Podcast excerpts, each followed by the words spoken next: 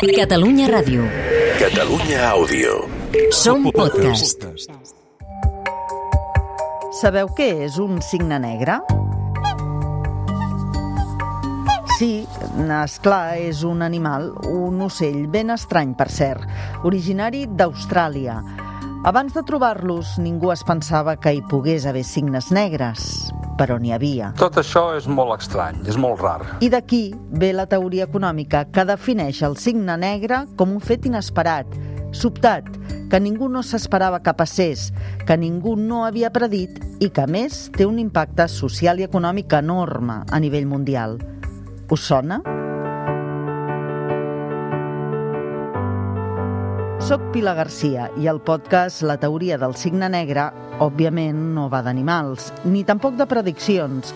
Va d'economia, del que passa, de com ens afecta. Són persones perfectament vàlides per poder fer qualsevol feina. Va d'atur esclar, i de feina. Soc graduat en Ciències Ambientals, vaig començar a treballar, em va sorgir una altra oportunitat laboral. Del cost de la vida, de salaris. estan estancats. Sí, Espanya té una economia que es caracteritza bastant per tenir salaris baixos. D'habitatge, de les noves i antigues maneres de treballar. que una feina que ens semblava que havia de ser tan, tan, tan presencial, hem acabat que anem dos dies a la setmana. en De consum, He tingut molta cura en no utilitzar ni rentadores, ni planxa, ni forn en les hores més cares. d'impostos, de diners. velles indústries estan substituïdes per noves indústries i això dona lloc a un nou perfil de risc. El Bitcoin és hipervolàtil. Els governs a cap, a cap els hi fa gràcia. d'empreses i empresaris, de sectors de crisi i de recuperació.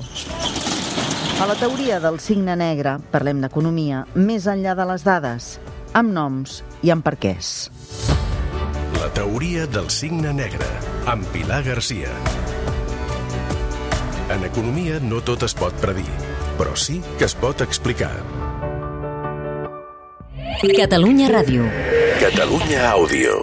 Som podcast.